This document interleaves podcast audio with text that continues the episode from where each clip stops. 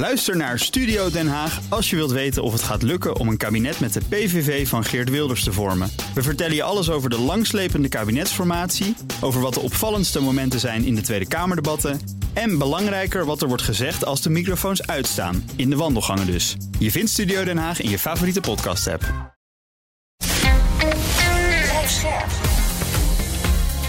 BNR Nieuwsradio. Boekenstein en de Wijk.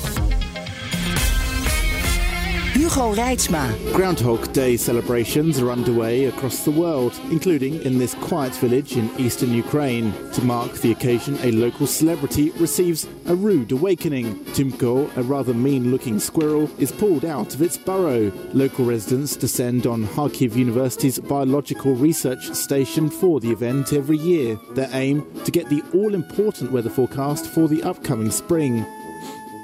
Groundhog Day in Oekraïne, zeven jaar geleden. Vorige maand is de traditie in een kleine ceremonie herhaald met een nazaad van deze groundhog, een wat vermagerd exemplaar na een half jaar onder Russische bezetting van Kharkiv. En die voorspelde voor dit jaar lenteweer in Oekraïne vanaf midden deze maand.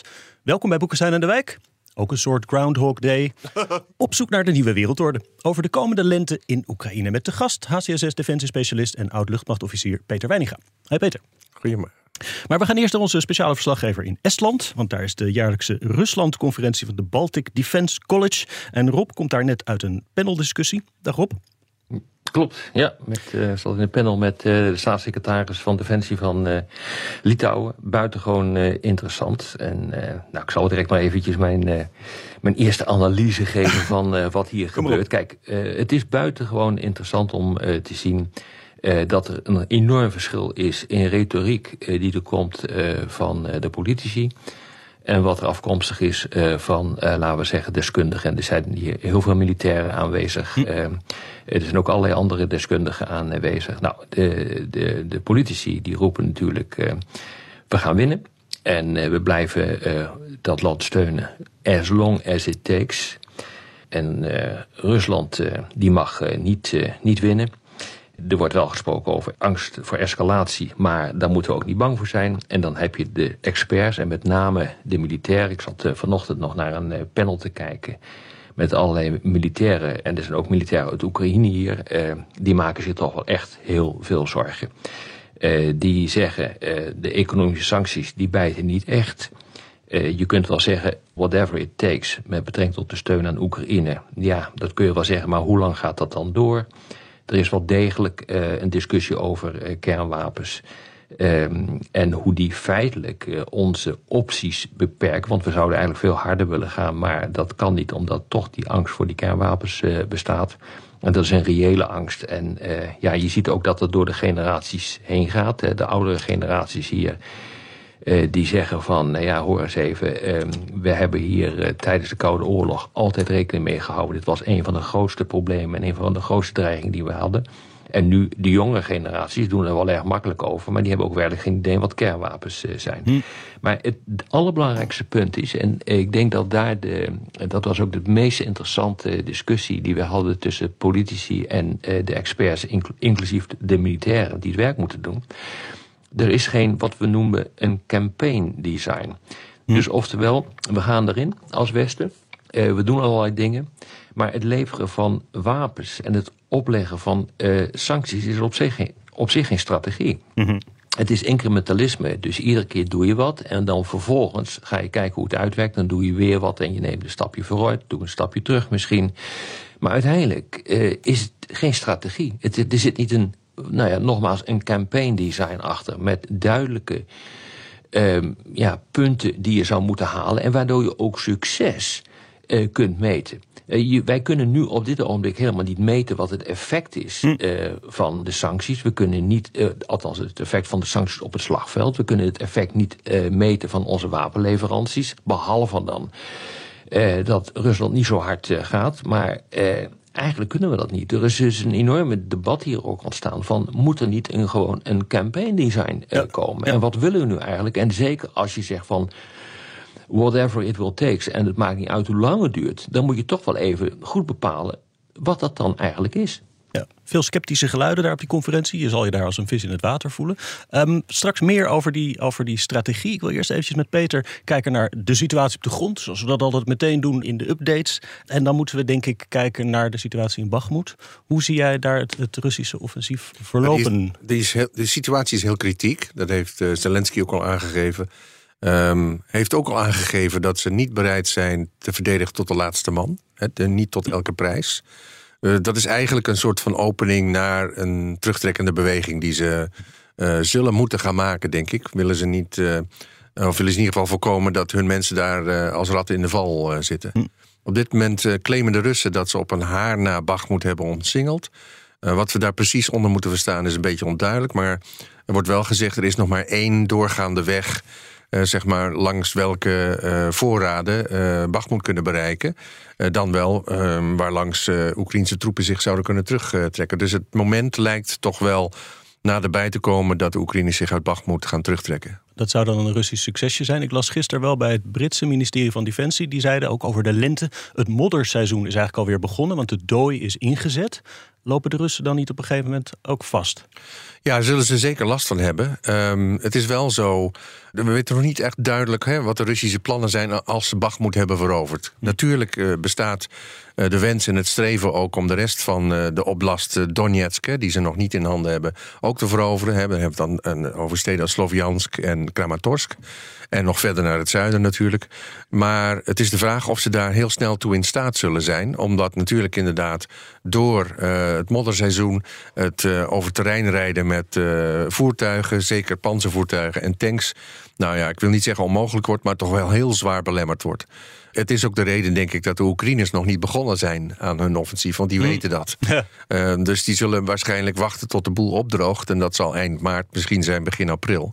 Maar uh, ja, de Russen hebben in feite als politieke opdracht van het Kremlin meegekregen om eind maart de hele Donbass in handen te hebben. Dus weet je, het is de vraag of, ze, of dat een reële, een realistische opdracht is. Omdat die, ja, we hebben wel eerder gezien dat ze politieke opdrachten kregen die niet eigenlijk uh, te realiseren waren. Dat, de, de, dat, is het verhaal van de hele operatie eigenlijk. Ja. Uh, en ook nu zou je dat weer uh, mogelijk kunnen stellen. Dus het is de vraag of ze dat gaat lukken voor eind maart. Maar Peter, even, even samenvatten, want het is toch eigenlijk ja. wel ongelooflijk als je het bij elkaar optelt. Hè? We zien dus, bij Voelen daar zijn al die tanks gewoon kapot geschoten. Zuidelijker is ja. dat, hè? Ja. De, de, de, Russische opmars is, is begonnen. Uh, nou, dat leidt dan dus tot een incrementeel iets in Bachmoed, wat ook strategisch niet eens zo vreselijk belangrijk is. Nee. Vanuit Wit-Rusland zijn de troepen weggehaald, heb ik me laten vertellen. Daar komt dus ook helemaal geen opmars aan. Het, eigenlijk is het, zou je gaan denken, alleen nog verdere mobilisatie met alle problemen die ja. daarmee gepaard gaan, kan Rusland nog helpen.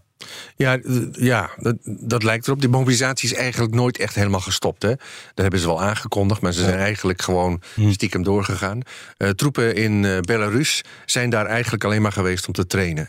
Uh, Belarus beschikt over uitgebreide trainingsfaciliteiten, oefengebieden, et cetera.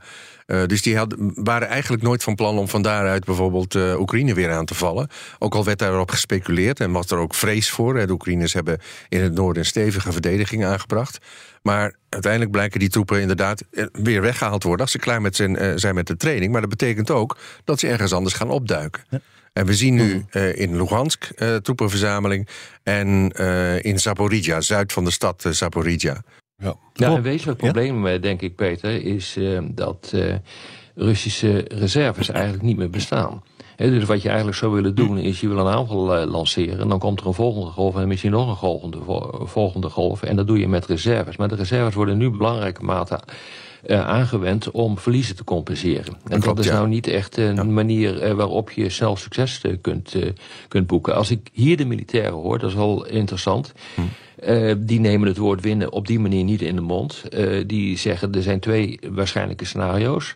Dat is dat de Russen met eh, tegen hele hoge kosten proberen om die vier oblasten die ze nu gedeeltelijk in bezit hebben, om die helemaal in bezit te krijgen. Uh, veel meer kunnen ze niet uh, doen. Of ze kunnen uiteindelijk, en daar zouden ook de fortificaties op wijzen, die nu zijn ingericht, ze kunnen bijvoorbeeld besluiten om zoveel mogelijk te houden wat ze nu hebben en dan aan te sturen op andere handelingen. Dat zou ook nog een mogelijkheid zijn. maar ja, als je dus gewoon kijkt wat er militair technisch mogelijk is, dan uh, is dat zeer beperkt voor de Russen. Ja, dat ben ik met je eens. Ik denk ook uh, dat het offensief, voor zover je dat nu nog een offensief kunt noemen, aan, aan het culmineren is, zoals dat heet. Ja. Dus tot stilstand komt. Uh, dat is inderdaad snel. Ik denk sowieso dat de Russen kunnen vergeten om alles helemaal te. Gerson zullen ze nooit meer krijgen.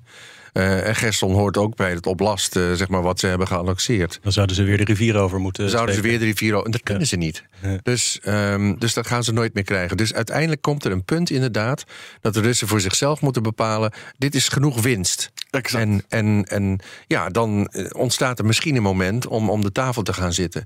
Oekraïners, denk ja. ik, zullen nog proberen daar zoveel mogelijk van af te snoepen. Ik verwacht uiteindelijk wel dat ze met een zuidelijk offensief zullen beginnen. Om te proberen in ieder geval die landbrug die de Russen hebben gecreëerd naar de Krim toe uh, af te snijden.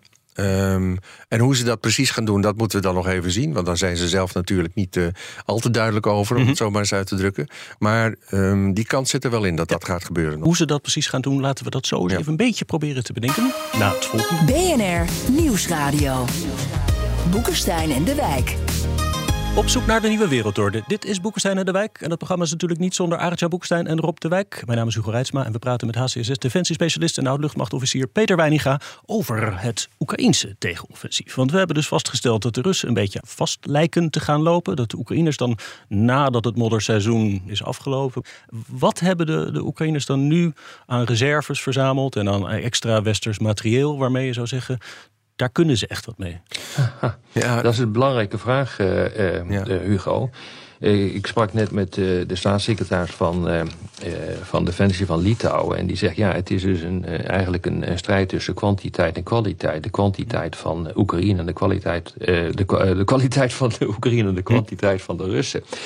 En de grote vraag is, hoe kunnen we die kwantiteit nu eigenlijk, uh, uh, met name op mankrachtgebied van die uh, Russen, hoe kunnen we die compenseren met, met mm. kwaliteit? En of, of moeten we zelfs overwegen om Oekraïne te vragen om een nog grotere mobilisatie te gaan plegen. Maar dat is mm. bijna onmogelijk. En ik vroeg hem, of moeten we ons zelf mee gaan vechten? Daar kwam trouwens niet echt een antwoord op, moet ik eerlijk zeggen. Dat vond ik wel veel betekenend.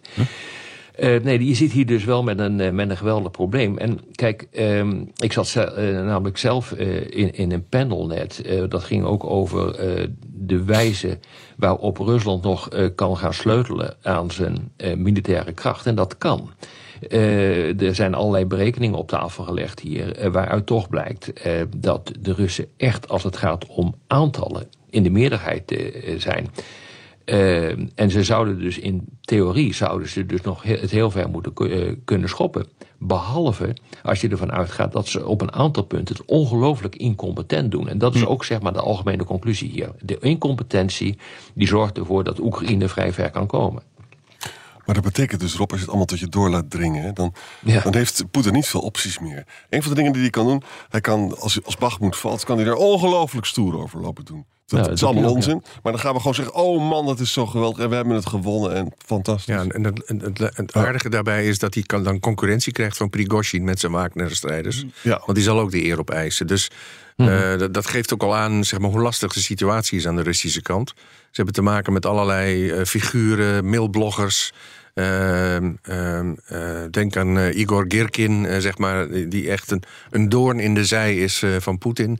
nou, Prigozhin noemde ik al, Kadirov, die allerlei uitspraken doen. En ook druk uitoefenen, zeg maar, om harder door te pakken. Mm -hmm. Bachmoed. Um, nou ja, het lijkt onvermijdelijk dat Bachmoed gaat vallen. Um, dat zal absoluut gevierd worden, inderdaad. Want ze hebben wel een succesje nodig, zo langzamerhand. Um, voor de Oekraïners zal het een klap zijn, maar niet zodanig dat ze de kopjes laten hangen, denk ik.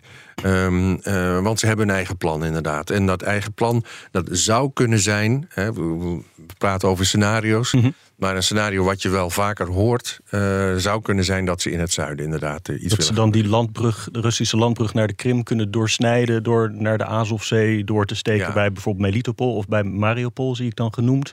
Dan heb je een spoor en een snelweg. En als je ja. dat uh, te pakken krijgt, dan hebben de Russen echt een probleem, nietwaar? Ja, als je echt ja, doorsteekt. Maar het moet wel kunnen, jongens. Ja, het moet, moet ik kunnen. heb hier niemand gesproken en uh, hier zitten toch heel wat deskundigen bij elkaar. Ja. En vooral ook uh, militairen die denken dat dat een, uh, een hele makkelijke optie is op de korte termijn. Nee, het is ook Maar absoluut. daarvoor moet je dus gewoon eh, veel meer mankracht op, eh Ja, het is ook eh, absoluut geen. Het is, brengen om dit voor elkaar te kunnen het krijgen. is absoluut geen makkelijke optie. Ehm, maar ehm, het is wel een optie die eh, in ieder geval in de hoofden zit van een aantal mensen. Zeker. En eh, kijk, wat ze zouden kunnen doen, is vanuit Zaporizhia proberen door te stoten naar Berdiansk. Oh. Berdiansk ligt halverwege Mariupol en, Oh, en de ook, aan Krim. de, ook aan de kust. Ja. En dat is ook een havenstad. Ja. Eh, dan snij je eh, automatisch een spoorlijn door en twee eh, grote doorgaande wegen. Ehm, en dan heb je in feite je doel al bereikt. Maar, inderdaad, de grote maar, eh, en Rob geeft het ook al aan, eh, dat is een zeer gecompliceerde eh, operatie. Want dat betekent eigenlijk dat je dwars door eh, gebied wat bezet is door de Russen wil doorsteken. en dan zitten je- die links en rechts van je. Dus en dat die van beide ja. kanten kunnen aanvallen. Ja. Dus Ja, ik heb deze optie eerder ook in onze podcast eh, eh, aangegeven. Dat dat wel eens een, eh, een interessante zou kunnen zijn. En dat eh, Oekraïne eh, eigenlijk dezelfde truc uithaalt als eh, ze eerder hebben uitgehaald. Dat we allemaal naar het noorden keken terwijl ze in het zuiden aan het concentreren waren. Hoe ze dat nog voor elkaar hebben gekregen, dat moet historisch ook maar eens even goed uit gaan zoeken. Eh, maar dat zou in dit geval ook eh, zouden, eh, kunnen, het geval kunnen zijn hoor. Ja, dat, dat- klopt ook. Ik, ik ben ook benieuwd of ze echt eh, deze zet zullen doen. De Russen daar weten we nu van dat ze zich zuid van Zaporizhia aan het verzamelen zijn. Daar zijn zelfs Wagner-troepen naartoe gebracht met hele busladingen vol. Ehm, de Russen hebben ook verschillende eh, zeg maar strategische kruispunten, hè, knooppunten van wegen, hebben ze gefort- gefortificeerd. Van alle kanten zeg maar, met stellingen omgeven en. eh, eh, ja, eh, loopgraven, stelsels eromheen gegraven. Dus eh, die zullen zwaar worden verdedigd. Dus het is maar de vraag of het gaat lukken. Maar dit is één optie die je wel vaker hoort. Ook eh, zou dat betekenen, als ze Berdiansk pakken inderdaad... dat ze weer een havenstad erbij hebben. En dat is natuurlijk wel van Ja. belang. Maar het is wel interessant hoor wat je zegt. Want kijk, die fortificaties die de Russen eh, hebben, eh, eh, hebben ingericht over eh, honderden kilometers. En daar praten we dus echt over. Inclusief nu op Russisch grondgebied. Dat duidt er eerder op dat ze uiteindelijk willen consolideren. dan dat ze heel erg veel verder willen en kunnen gaan. Ja, dat, dat, dat denk ik ook inderdaad. Ze sturen aan op een frozen conflict, zoals ze altijd. eh, Ja, of in ieder geval de- in bezit houden van die eh, vier eh, oblasten... voor zover ze die hebben veroverd. Ja. En alles voor Oekraïne zal dus afhangen van eh, de toevoer van westerse wapens. Wat dus zoals we steeds zien stapje voor stapje gaat met veel twijfel en, Ja. en, en, en, eh, onzekerheid Ja. omgeven. Vind jij dat dat voldoende is wat, wat er gebeurt? Nou, dus dat incrementele wat Rob net eh bedoelt, daar zit inderdaad geen strategie achter. Anders dan we blijven de Oekraïne steunen. Eigenlijk bepalen de Oekraïners de strategie. En er zullen een aantal mensen zijn in het Westen die daarvan op de hoogte zijn. Ik denk met name Amerikaanse en Britse inlichtingendiensten. eh, omdat die veelvuldig contact met ze hebben. Eh, die zullen weten zeg maar, wat hun strategie is. De rest in het Westen weet het eigenlijk niet. En moet op goed vertrouwen eigenlijk eh, spullen blijven leveren. Waarvan ze dan hopen dat het op de juiste manier wordt toegepast. En dat het Oekraïne ook in staat stelt te doen wat ze dan als strategie zich hebben voorgenomen. Maar het Westen heeft natuurlijk geen einddoel eigenlijk. We vinden het lastig om te spreken over een einddoel. Ehm, eh, de Amerikaanse minister van Defensie Austin heeft in het begin gezegd: de bedoeling is om eh, de Russische slagkracht te, te degraden. Dat heeft hij echt eh, gezegd. Ja, ja wa- wa- wat betekent dat? Dat is ook een heel vaag einddoel. Dat betekent in feite inderdaad niks. Eh, want uiteindelijk, eh, als het conflict over is, zullen de Russen hun strijdkrachten weer gaan opbouwen. Eh, misschien om het nog een keer te proberen, of gewoon om een, een, een, sterke militaire macht te blijven. Dus het Westen heeft geen doel anders dan inderdaad ehm, eh, te doen whatever it takes, zoals Biden dat heeft gezegd. En as long as it takes. Maar eh, dat is natuurlijk retoriek. Maar er zijn, nieuw- er zijn nieuwe ideeën van dat Rand Report, en van dat rapport waar Rob aan mee heeft gewerkt, dat je dus extra wapenleveranties. Af, dan zeg je tegen de Russen: dat doe ik niet als jullie bereid zijn te gaan praten. Dat soort grappenmakerij. Maar kijk, dat soort dingetjes, dat zou je moeten proberen. Maar dan moet je wel serieus met ze in gesprek eh, proberen te komen. Ja. Ik weet niet, kijk, we, we hebben het gehad over... eh, van de week was die G20, eh, zeg maar... waar Lavrov en eh, Blinken elkaar even hebben ontmoet. We hebben er maar tien minuten gesproken. Eh er zijn twee dingen over naar buiten gebracht. Het ging over start en het ging over... Kernwapenverdrag? Ja, precies. En het ging over, eh, zeg maar, dat eh, Blinken vond dat de Russen zich moesten terugtrekken. We weten niet wat er nog meer is gezegd. Ehm, mogelijk zijn daar openingen geprobeerd te zoeken, zeg maar, om met elkaar op een andere manier in gesprek te komen over dit soort zaken. En Scholz gaat nu naar eh, Biden toe. En die gaat twee dagen met hem praten. En geen pump and circus, dus geen Eh. persconferenties. Dit gaat over dit soort dingen, denk ik. Dat gaat over eh, zeg maar de coalitie die Scholz probeert te bouwen om de Oekraïne van veiligheidsgaranties te zien, die nog net niet zo ver gaan als artikel 5 van de NAVO. Daar komt het eigenlijk op neer. Ja, exact. Eh, Onderhandelingen zijn geen vies woord meer hoor. Hier ook eh, in, in Estland. Dat is wel heel erg bijzonder. Want eh, Estland behoort met Nederland eh, en alle Baltische staten trouwens eh, tot, eh, tot de hardliners Ja. binnen de NAVO en de Europese Unie. Maar iedereen begint zich nu wel te, te realiseren dat er iets aan het veranderen is. En dat, je niet, dat, er niet een en al Hosanna is in, in Oekraïne. En dat de Oekraïners dit zomaar gaan, gaan winnen. Dus er wordt nu heel nadrukkelijk nagedacht over eh, ja, wat moet je dan doen? En zeker wat moet je dan doen op het moment? En je triggert me met veiligheidsgaranties, eh, Peter. Wat eh, ga je dan doen als er een staakt het vuren is? Eh, Er is echt nu een discussie gaande om dan de, de Oekraïners onmiddellijk bij de NAVO te trekken. Ja. Of het dat gaat, gaat worden, Ja. weet ik niet. Ik heb het zelf ook wel ehm, eh, eerder gezegd dat als er zo'n eh, vacuüm is dat ontstaat direct na een staakt het vuren, dan moet je echt onmiddellijk eh, naar voren sprinten. Dan moet je een strategie hebben, dan moet Ja. je die veiligheidsgaranties eh, afgeven. Ja.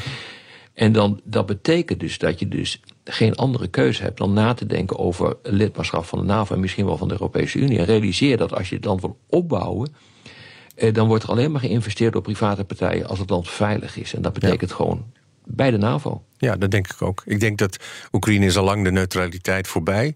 Ehm, Ik vind het, eh, het riskante van het initiatief wat Scholz nu ontwikkeld heeft met in ieder geval Engeland en Frankrijk. eh, dat je. Welke initiatief is dat? Leg dat is uit. over die eh, veiligheidsgaranties, zeg maar. Dat, dat bedoel je. ja, precies. Eh, en waarover Scholz nu ongetwijfeld met Biden gaat praten om de Amerikanen erbij te betrekken. Ik ben benieuwd of die daar eh, zeg maar eh, beet krijgt. Eh, want in feite zou je zeggen, dan leg je de verantwoordelijkheid voor de veiligheid van Oekraïne bij een beperkt aantal landen. Terwijl je het ook bij de hele NAVO kunt neerleggen.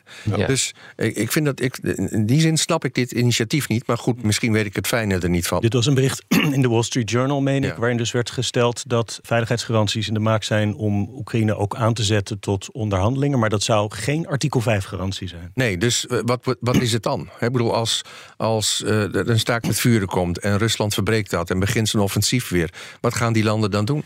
Gaan ze Oekraïne daadwerkelijk met mensen en middelen en mensen bijstaan? Zo moet ik het eigenlijk zeggen. Ehm, want dat komt dan in de buurt van een artikel 5-achtige afspraak. Of sturen ze alleen maar wat meer tanks en, eh, en vliegtuigen. Dus Maar de wens om te gaan onderhandelen is de gemene delen. Dat wil Biden, dat wil Macron en dat wil Scholz. Nou, Biden heeft zich nog niet zo geuit natuurlijk, maar Scholz wel inderdaad. Dus Nou, maar dat maar, zit maar hier wel een beetje eigenlijk achter. ook wel. Ik, ik wil dus de positie van Zelensky sterker maken aan de onderhandelingstafel. Ja. Door daar zit het gewoon in. Ja, dat klopt. Maar dat betekent eigenlijk wel dat hij van tevoren een voorwaarde stelt. En dat die positie dus ook daadwerkelijk sterker moet worden. Ja. En daar zou bijvoorbeeld een succesvol offensief van de Oekraïners, welke kant het ook op gaat, bij helpen. Ja, tot nu toe was het dus vooral handelen naar bevind van zaken van de kant van het Westen. Maar dit zou een goed moment zijn om eens na te denken over strategie en waar je uiteindelijk wil Ja. uitkomen. Ja. Op de radio ronden we af, maar in de podcast gaan we langer door met luisteraarsvragen. Luistert u op de radio, dan verwijs ik naar boekensteinendewijk.nl of uw favoriete podcast-app. Ton Nuyen vraagt ons: zijn de toegezegde wapens op tijd aan het front zodat Oekraïne daadwerkelijk terrein kan veroveren? En kan hierdoor de beslissende slag worden geslagen waardoor de Russen zullen opgeven? Zien jullie die mogelijkheid? Ehm, ik denk dat de tanks in ieder geval eh, in, in een flink aantal eh, tijden aan het front zullen zijn. Die zijn, gaan nu al die kant op. Er zijn geloof ik al tanks in Oekraïne, Leopards. Eh, er gaan meer die kant op. De Abrams, daar moet je niet op rekenen voorlopig. Die komen volgend jaar pas ergens. Daar doen de Amerikanen vreselijk ingewikkeld over. Ehm, ik denk dat die tank niet zo goed is als ze hebben geadverteerd, Oh. eerlijk gezegd. Maar goed, dat is een ander verhaal. Maar, maar Peter, Ja. aan- de andere kant weet je, het gaat ook wel erg langzaam. En eh, Ja. we hebben nu al gezien dat eh, tanksle- tankleveringen worden opgehouden omdat eh, er geen reserveonderdelen zijn. Nou, dat is Ja. toch wel handig als je die eh, hebt Ja. als je een tank eh, stuurt. Sommigen die doen het gewoon niet. Nee. Die waren toegezegd. Ja. Ik, ik zie hier ook gewoon een enorme vrees, ook bij de Oekraïners die hier zijn, dat, dat het gewoon eigenlijk te weinig is. En als je dan vervolgens kijkt hoeveel tanks de Russen hier tegenover kunnen zetten. Ja, dan gaat het over als je alles plust en mint met wat er nog in de opslag zit en wat het wel en wat het niet doet en wat vernietigd is, kom je toch aan 2000 tanks. Nou, Klopt, uh, maar ook daarvan is het de vraag. Gefeliciteerd Westen, dan zou je toch nog wel eventjes iets anders uit de kast moeten uh, trekken. Daar ben ik met je eens, maar het is ook bij de Russen de vraag wat het wel en niet doet hoor. Um, nou ja, dit is de berekening die ik heb gezien. En die kwamen, die was afkomstig van eh, van de Oekraïners eh, eh, zelf. En die zeggen, nou, 2000 tanks zouden ze, moeten, zouden ze moeten kunnen mobiliseren op een of andere manier. Oké.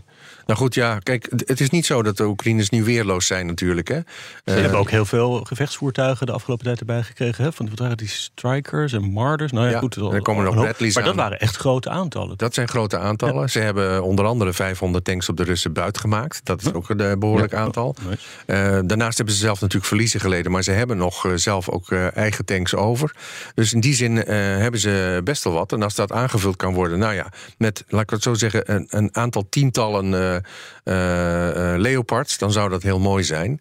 Um, ja, het is de vraag of het op tijd komt. Ik, ik, durf het niet helemaal met zekerheid te stellen, maar even afhankelijk van welke tijdsbalk ze in, in hun gedachten hebben over offensief, zou het best wel uh, mee kunnen vallen in die zin. Ja, en dan nog ja, hoe meer prut, hoe beter. Hè? Nu, ja. het, uh, nu het gaat dooien. Hè? Hoe meer die Russische tanks in de prut wegzakken, hoe beter het is. Dat, klopt. dat scheelt gewoon tijd. Dat klopt. En, en, vergeet voelen daar niet. Als je onervaren jongens in tanks stopt, dan worden ze gewoon allemaal afgeslagen. Ja, nou is, ja dat, dat heeft zeker meegespeeld in voelen daar. Um, maar ik denk ook wel de leiding daarboven, die natuurlijk uh, nooit op zo'n manier een offensief over de weg hè, in kolonnes uh, had moeten laten uitvoeren. Uh, noodgedwongen omdat de velden vol met mijnen lagen en ze zelf te weinig mijnruimingsmiddelen hebben. Dus weet je, dan zou ik op een hele andere manier een offensief proberen te voeren. Maar goed, het is de vraag hoeveel keus daar was en hoeveel druk er op die commandant lag. maar dat het een blunder is geweest, dat mag je zeker stellen, ja. Hm. Handige Harry vraagt als Oekraïne grote successen haalt in de lente, dan de Krim aanvalt en er met troepen heen gaat, wat verwachten jullie dan dat het antwoord van Rusland zal zijn?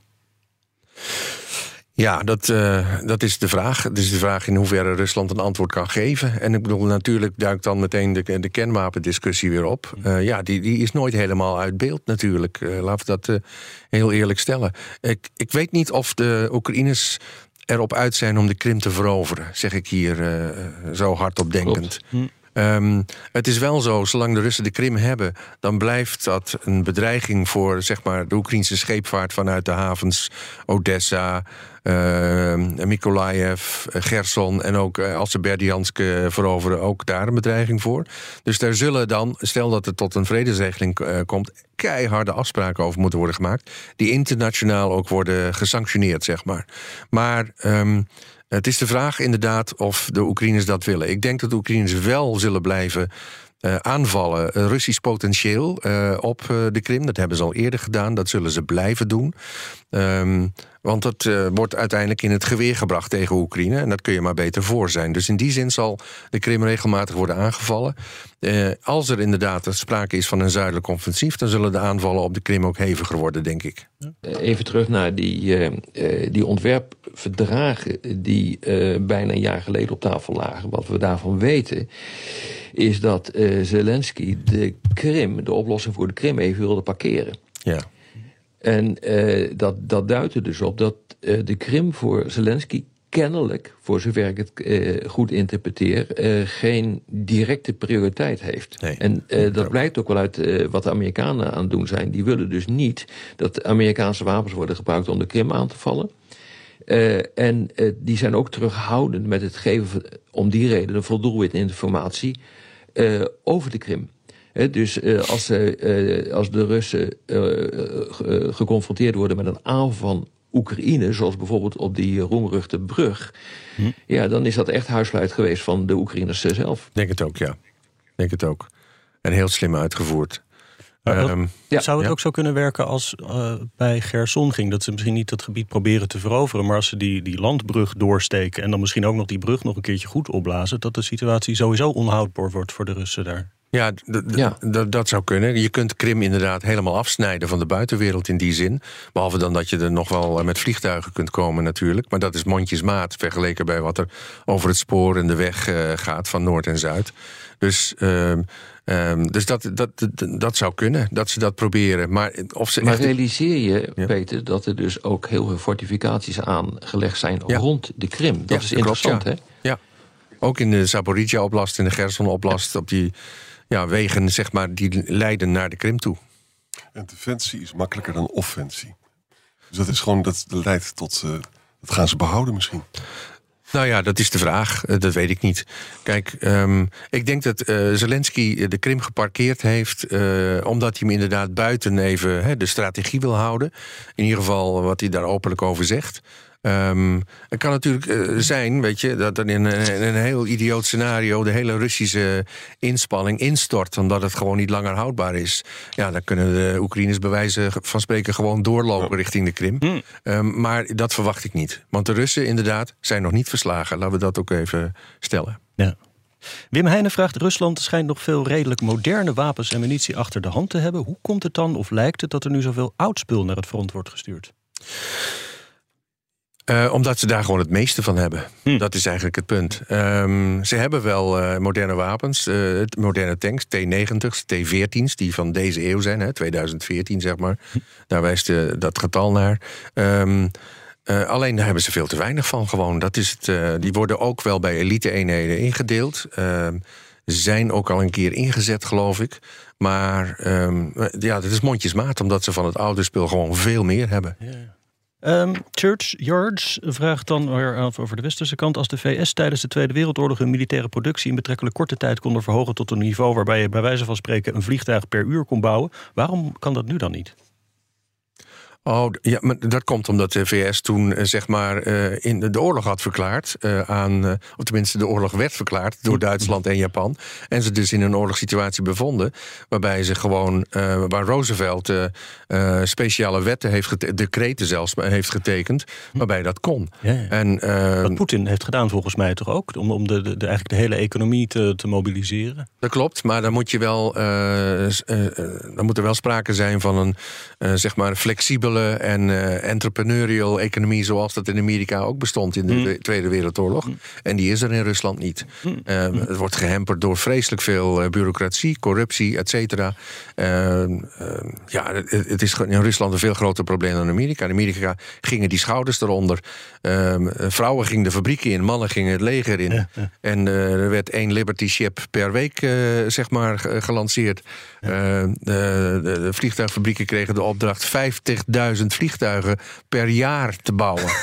Uh, weet je, dat, dat soort uh, plannen. En dan gaan die schouders eronder in Amerika en iedereen gaat ervoor. Mm Ja, dat, uh, dat is in Rusland niet. Het hele volk zit eigenlijk niet op deze oorlog te wachten. Dat is ook de grote uitdaging waar Poetin naar zit en waarom die met allerlei vals vlek programmaatjes komt, zeg maar. Om die bevolking maar achter die oorlog te krijgen. Mm. Thomas Dijker vraagt: hebben mogelijke toekomstige veranderingen in het politieke landschap in de landen die Oekraïne steunen invloed op de keuzes die Oekraïne nu of binnenkort militair maakt? Gezien het risico bijvoorbeeld op een Trump-adept in de toekomst in de VS. Lijkt me iets voor Arend Jan. Ja. Kan je hem nog één keer herhalen? Je zit op te letten, hè? Ja, bijvoorbeeld de mogelijkheid dat er weer een Trumpist aan de macht komt in de VS. Dat kan eind volgend jaar, geloof ik, al het geval zijn. Maar heeft dat invloed op, op hoe nu de, de, de strategie aan, aan Oekraïnse of misschien aan Westerse kant uh, wordt ingezet? Nou, dat laatste, dat weet ik niet. Het, is wel, het vervelende is wel dat in het Amerikaanse politieke systeem een Trumpiaan altijd toch weer denkbaar is. Simpelweg omdat Trump heeft aangetoond dat je met liegen en bedriegen heel ver kan komen. En het nare feit doet zich voor dat de Democratische Partij zo verdeeld is tussen de wokist en de niet-wokist.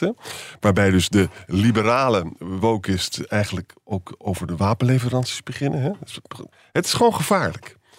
Uh, en dat betekent dus dat, uh, en dan kom ik bij het antwoord van de vraag, dat Biden zelf er ook rekening mee houdt dat hij niet over zijn graf heen kan regeren. en dat hij dus. En dat, dat, en Scholz is nu bij hem. Hè, en dat gaat, we moeten nu wel binnen twee jaar moeten we er een einde aan zien te breien. In die zin natuurlijk wel. Het is, het is angstaanjagend. Ja, de volgende Trump zou zomaar DeSantis kunnen heten. Dus ja.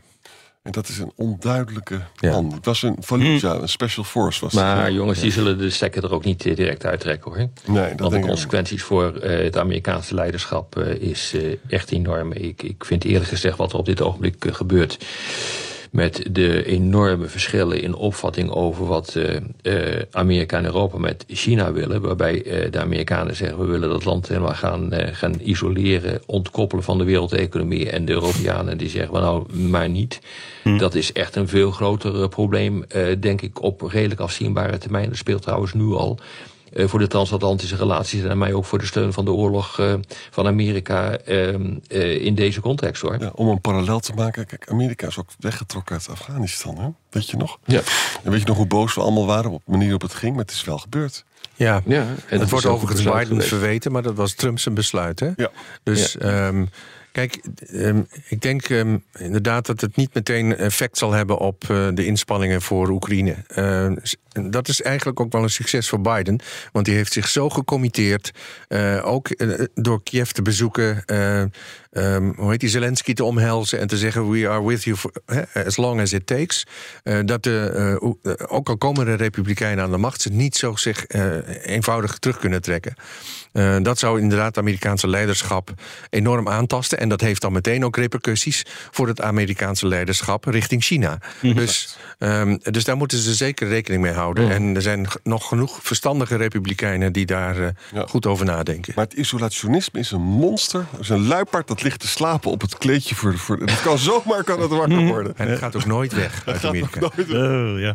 Hierop aansluitend pakken we nog even de vraag van Piet Lodder mee. Eh, die vraagt wat als er een tweede front komt in de zin dat China een aanval op Taiwan inzet. Kan de VS twee fronten tegelijk aan? En zo niet, voor welke kiezen ze dan? Nou, het antwoord is heel simpel. Het antwoord is nee. En dit is ook de reden waarom uh, de Amerikanen geen oorlog willen hebben uh, in Europa met, uh, met Rusland. tijdens, het, tijdens de Koude Oorlog was er een periode dat de Amerikanen een 2,5 oorlogsstrategie aanhingen. Je kunt op twee verschillende locaties twee, uh, een hele grote oorlog voeren en nog een kleintje, zeg maar een soort stabilisatie-vredesoperatie ergens anders.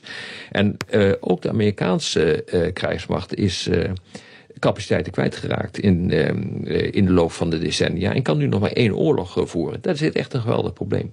Ik denk het ook. We hebben het in de Tweede Wereldoorlog gezien dat ze dat konden natuurlijk. Maar daar was die enorme industriële opbouw voor nodig. Ja. En, uh, en, en, en daarop zijn ze gaan voortborduren tijdens de Koude Oorlog, als het ware. Uh, maar uh, het is in de jaren negentig in feite ook helemaal wegbezuinigd. Ja, maar dus het tweede ja. deel van die vraag. Als Amerika dan moet kiezen tussen Oekraïne en Taiwan, welke wordt het Taiwan. dan?